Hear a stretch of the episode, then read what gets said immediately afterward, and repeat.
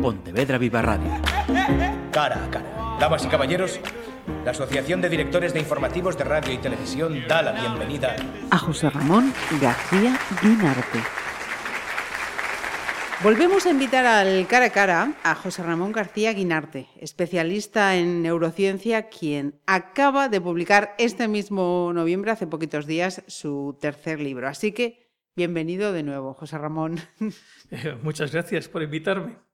Ya nos había dicho la última vez eh, que andaba ahí con algo próximo y efectivamente, aquí está. Tras sistema de inteligencia ortográfica y sistema de inteligencia numérica, que fue la razón de su última visita aquí a Pontevedra Viva Radio, nos trae ahora Sapidus. ¿De, qué nos hablas? ¿Qué nos enseña Sapidus? Bueno, Sapidus es una especie de, duende que se va a encargar de explicarle tanto a jóvenes como a adultos el funcionamiento del cerebro. Pretende funcionar como si fuese un manual de instrucciones. Vale. Em, un manual de instrucciones. Entonces, de una forma gráfica, eh, podemos decir que nuestro cerebro es una máquina. Sí, podríamos decir que disponemos de, una biocomputadora dentro de nuestros cráneos fascinante, pero realmente fascinante, tan fascinante que nadie ha sido capaz de cuantificar sus límites. Y sin embargo viene de series y manual de instrucciones, ese es un problema bastante gordo. O sea que estamos sin un manual de instrucciones para saber cómo podemos hacer eh, funcionar la máquina más potente de la que disponemos. Exactamente, la máquina más fascinante que existe. Eh, cuando nos compramos una mesa en IKEA, pues son cuatro patas, una tabla y viene con manual de instrucciones. Disponemos de la máquina más fascinante que existe y sin un manual de instrucciones de serie, con lo cual es, ya hay un problema muy gordo. Mira, eh, malamente estamos entonces si no sabemos cómo manejar algo que nos viene de serie y es tan potente.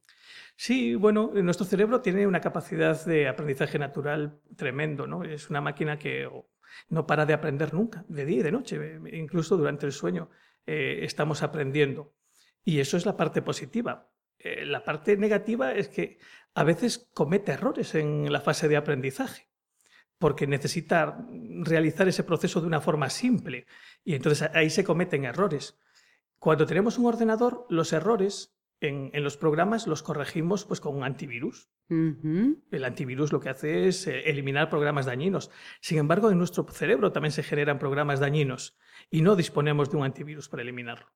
Caray, ¿cómo me lo estás, cómo me lo estás poniendo? Se está complicando un poco la cosa. Eh, entonces llevamos mm, miles de años eh, trabajando en, modo, ¿en modo qué? Bueno, entre el 95 y el 97% de la actividad cerebral en modo automático, de forma inconsciente. Esa es la realidad. Aunque pensemos que somos nosotros los que tomamos las decisiones, sí, en torno al 5% de las ocasiones las decisiones son conscientes y lógicas. Y cuando me hablabas de ese eh, antivirus, eh, Sapidus nos aporta esas herramientas para saber introducir. Sí, eh, es el resultado de, 30 años. Yo hace 30 años, eh, cuando estaba en la Facultad de Ciencias de la Educación, decidí descubrir por qué a mí, yo era un estudiante con un resultado aceptable, pero me costaba estudiar. Y entonces quise descubrir por qué había estudiantes que estudiaban de una forma muy fácil y en aquel momento, pues aún no había internet, estaba, aún casi no había ordenadores. Aunque no lo creáis, hubo personas que vivimos antes que internet. Antes de los ordenadores. Me fui a los ficheros de la Facultad de Ciencias de la Educación y encontré eh, un autor inglés que se, llama, se, llamaba Tony Buzan, que eh, fue uno de los máximos especialistas del mundo en el campo de la memoria, el creador de los mapas mentales. Y paradójicamente, él se había hecho la misma pregunta que yo, solo que 30 años antes, y él había desarrollado ese, ese manual sobre el funcionamiento de la memoria. Y desde aquella, pues no me he podido desenganchar, nunca he podido dejar de investigar y de estudiar en el campo de funcionamiento del cerebro. Eh, en su día empecé con técnicas de estudios, explicándole, he explicado a muchísimos miles de alumnos a lo largo de casi 30 años.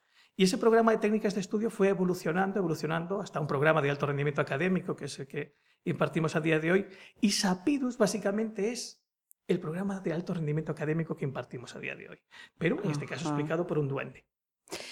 Mira, em, este manual de, instrucciones que nos has acercado ahora eh, con, con, Sapidus al, frente, ¿pueden incorporarse a, cualquier edad o cuanta más información tenemos eh, almacenada en esta máquina de la que hablábamos, que es nuestro cerebro, resulta más complejo cambiarla?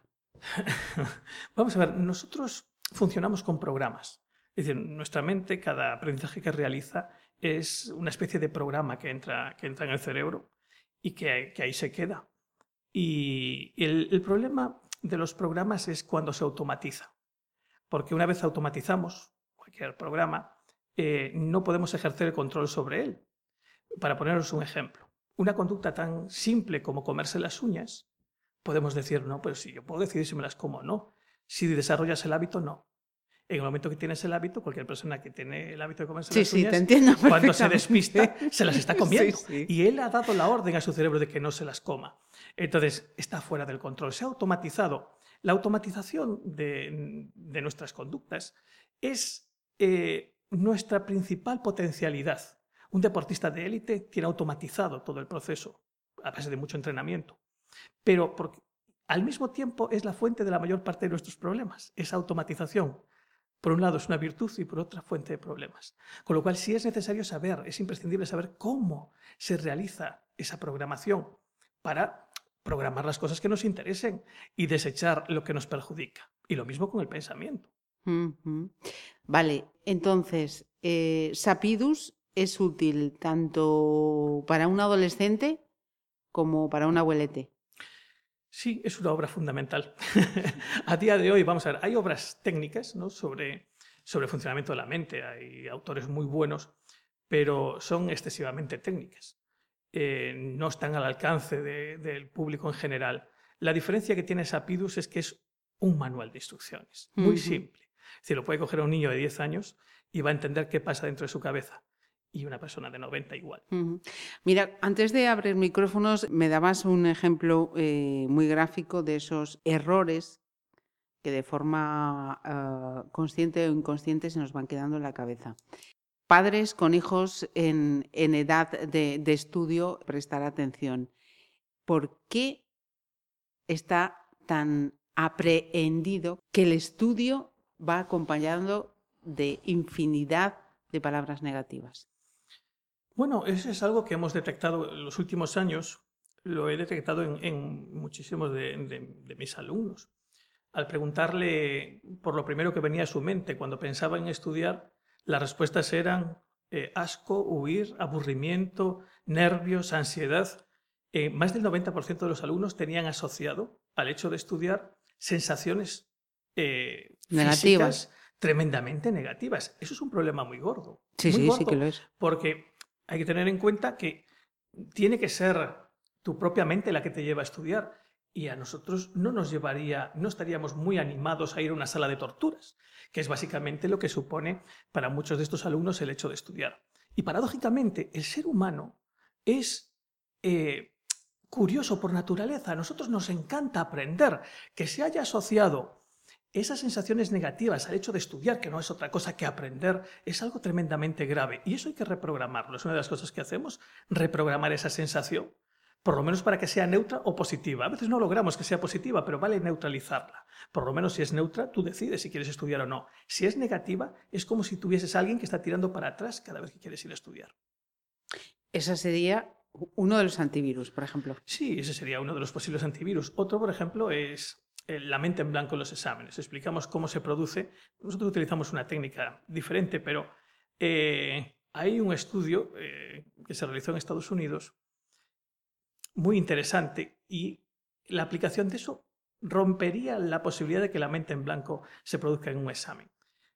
De entrada, la mente en blanco se produce por una cuestión de, miedo. El miedo va generando unos niveles de ansiedad muy altos y ahí nuestro organismo, de forma natural, igual que hace 100.000 años, va a generar adrenalina.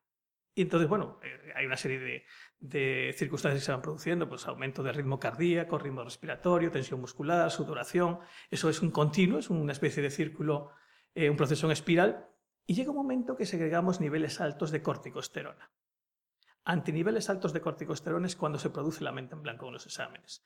Entonces, si tú logras romper esa espiral y no producir esos niveles de corticosterona, eh, la mente no se quedaría en blanco. Y ese periodo, eso dura de torno a una hora el proceso de mente en blanco, que es lo que le pasa a muchos alumnos. Sí, desde que, sales de casa, llegas, sales justo. No recuerdan absolutamente nada por una cuestión de nerviosismo. Pues eh, mascar chicle reduce los niveles de corticosterona. Con lo cual, el hecho de mascar chicle en un examen eliminaría la posibilidad de la mente en blanco. Hay que hacerlo de forma disimulada porque muchos profesores no le van a dejar, pero sería una técnica muy simple para hacerlo. y eso se presentó en el décimo Congreso de Medicina celebrado en Japón, ese estudio, que con personas normales reducía un 16% el nivel de corticosterona en saliva. Muy interesante. Ya lo creo. Mira, y mm, sabiendo cómo manejar correctamente este manual de instrucciones, no solamente eh, afecta a nuestras capacidades intelectuales, sino también a las emocionales. Hmm. Sí. Esto ya es, vamos, me parece brutal. Eh, es que el, cerebro, lo que almacenamos dentro de nuestra mente, no es realmente lo que sucede en la realidad, es una especie de mapa. El mapa representa el territorio, pues eh, lo que hay dentro de nuestra mente representa una realidad vivida. Y eso, con pequeñas modificaciones, podemos lograr grandes cambios en cómo lo vivimos. Eh, un ejemplo. Eh, si nosotros nos imaginamos o nos vemos en una especie de película de cine bajando en una montaña rusa a toda velocidad, lo estamos viendo desde fuera, viéndonos a nosotros mismos bajar en esa montaña rusa, casi no habría vinculación emocional. Yo lo puedo ver casi de forma neutral. Sin embargo, esa misma escena, si me la imagino sentado en la montaña rusa, ya empieza a aumentar el ritmo cardíaco, ya me empiezo a poner nervioso, ya me empieza a emocionar. Claro, esto es muy interesante, porque cualquiera de los recuerdos que tenemos almacenados, eso se llama recordar de forma asociada o disociada. Es decir, cuando lo ves desde fuera, lo recuerdas disociado. Si lo ves desde dentro, es asociado. Nosotros, todos los recuerdos positivos, deberíamos almacenarlos en nuestra mente de forma asociada, con lo cual lo que estaríamos es recordando de forma intensa las cosas positivas. Y los recuerdos negativos los tendríamos que almacenar en nuestra mente como si los viésemos desde, una, desde el sillón de un cine. Verlos como si fuese una película lejana, con lo cual no tendría vinculación emocional.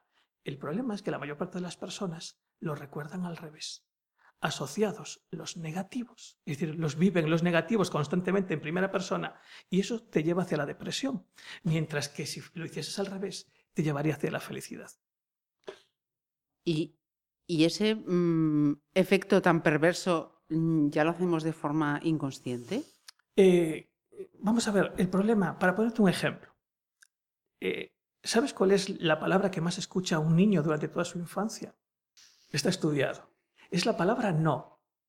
Es decir, se nos, se nos enseña, se nos condiciona a pensar en negativo. Y ahora te pongo otro ejemplo. Si yo te digo, no pienses en una manzana roja, es posible no pensar en esa manzana roja. Es imposible. Es que estoy tu viendo. Tu mente para procesar, para procesar la información ya ha pensado en la manzana. Con lo cual, si yo cuando voy a hacer un examen pienso, no voy a suspender, no voy a suspender, ¿qué está haciendo tu cerebro? Está procesando, suspender, suspender, suspender, y ya está generando adrenalina. Eso es necesario saber cómo funciona para controlarlo. Básicamente lo que permite este manual es que tú controles tu vida. Por lo menos tener las herramientas para que poder controlarla. Caramba, yo lo quiero, como decía el otro, yo lo quiero. muy básico, pero bueno, eh, me ha costado mucho sintetizarlo. Eh, lo, más complicado, eh, hay, hay, autores que dicen que lo más difícil es escribir en pocas líneas. ¿no? lo, más complicado es explicar algo muy complejo de una forma muy simple para que lo pueda entender cualquier niño. Sin duda. Y, bueno, yo creo que todo niño puede entender perfectamente este, este manual y empezar a utilizarlo pues cuanto antes mejor, porque así van a ser los capitanes de su propia vida. Pues eh, ya está en las librerías. Has vuelto a, confiar en Penguin Random House. Eh, el ilustrador también, Ramón Lanza, también... Muy buen ilustrador, es un auténtico genio, parece que me lee la mente con cada eh, ilustración que tenía que realizar, estoy muy, muy contento. Pues estamos además en unas fechas en las que siempre es un excelente regalo regalar un libro, pero si además mm, conseguimos eh, todo esto que nos acabas de decir, ya solo aprenderlo, ya solo aprenderlo, a mí me parece que que es excelente. Claro, aquí lo que se pretende es que lo, que lo conozcas. Después lo tienes que aplicar, que también es diferente el conocimiento teórico de conocimiento aplicado. Práctico, Pero bueno, por lo menos conocerlo, que sepas qué pasa dentro de tu cerebro y qué es lo que lo está causando. Pues Sapidus, vais a vuestra librería de confianza. José Ramón García Guinarte, Sapidus, pues ahí, ahí está. Eh, mira, ¿ya estás en otra o te vas a dar una pausa? ¿O en otro? Me queda uno más, pero esto lo tengo más verde. lo tengo más verde aún. Bueno, pues anotamos ya el próximo libro de García Guinarte para también seguir aprendiendo más de nuestro cerebro. Esa máquina, la mayor máquina que, tenemos y que, sin embargo, como decía, no, sabemos cómo, cómo funciona. Muchísimas gracias. Todo un placer. Pontevedra Viva Radio. ¿Me permiten que les haga un comentario como espectadores del programa Cara a Cara? Según un reciente sondeo de mercado, ustedes disponen de estudios e inteligencias superiores a la media. Sus intereses abarcan desde la actualidad mundial y la ciencia hasta el deporte y los espectáculos.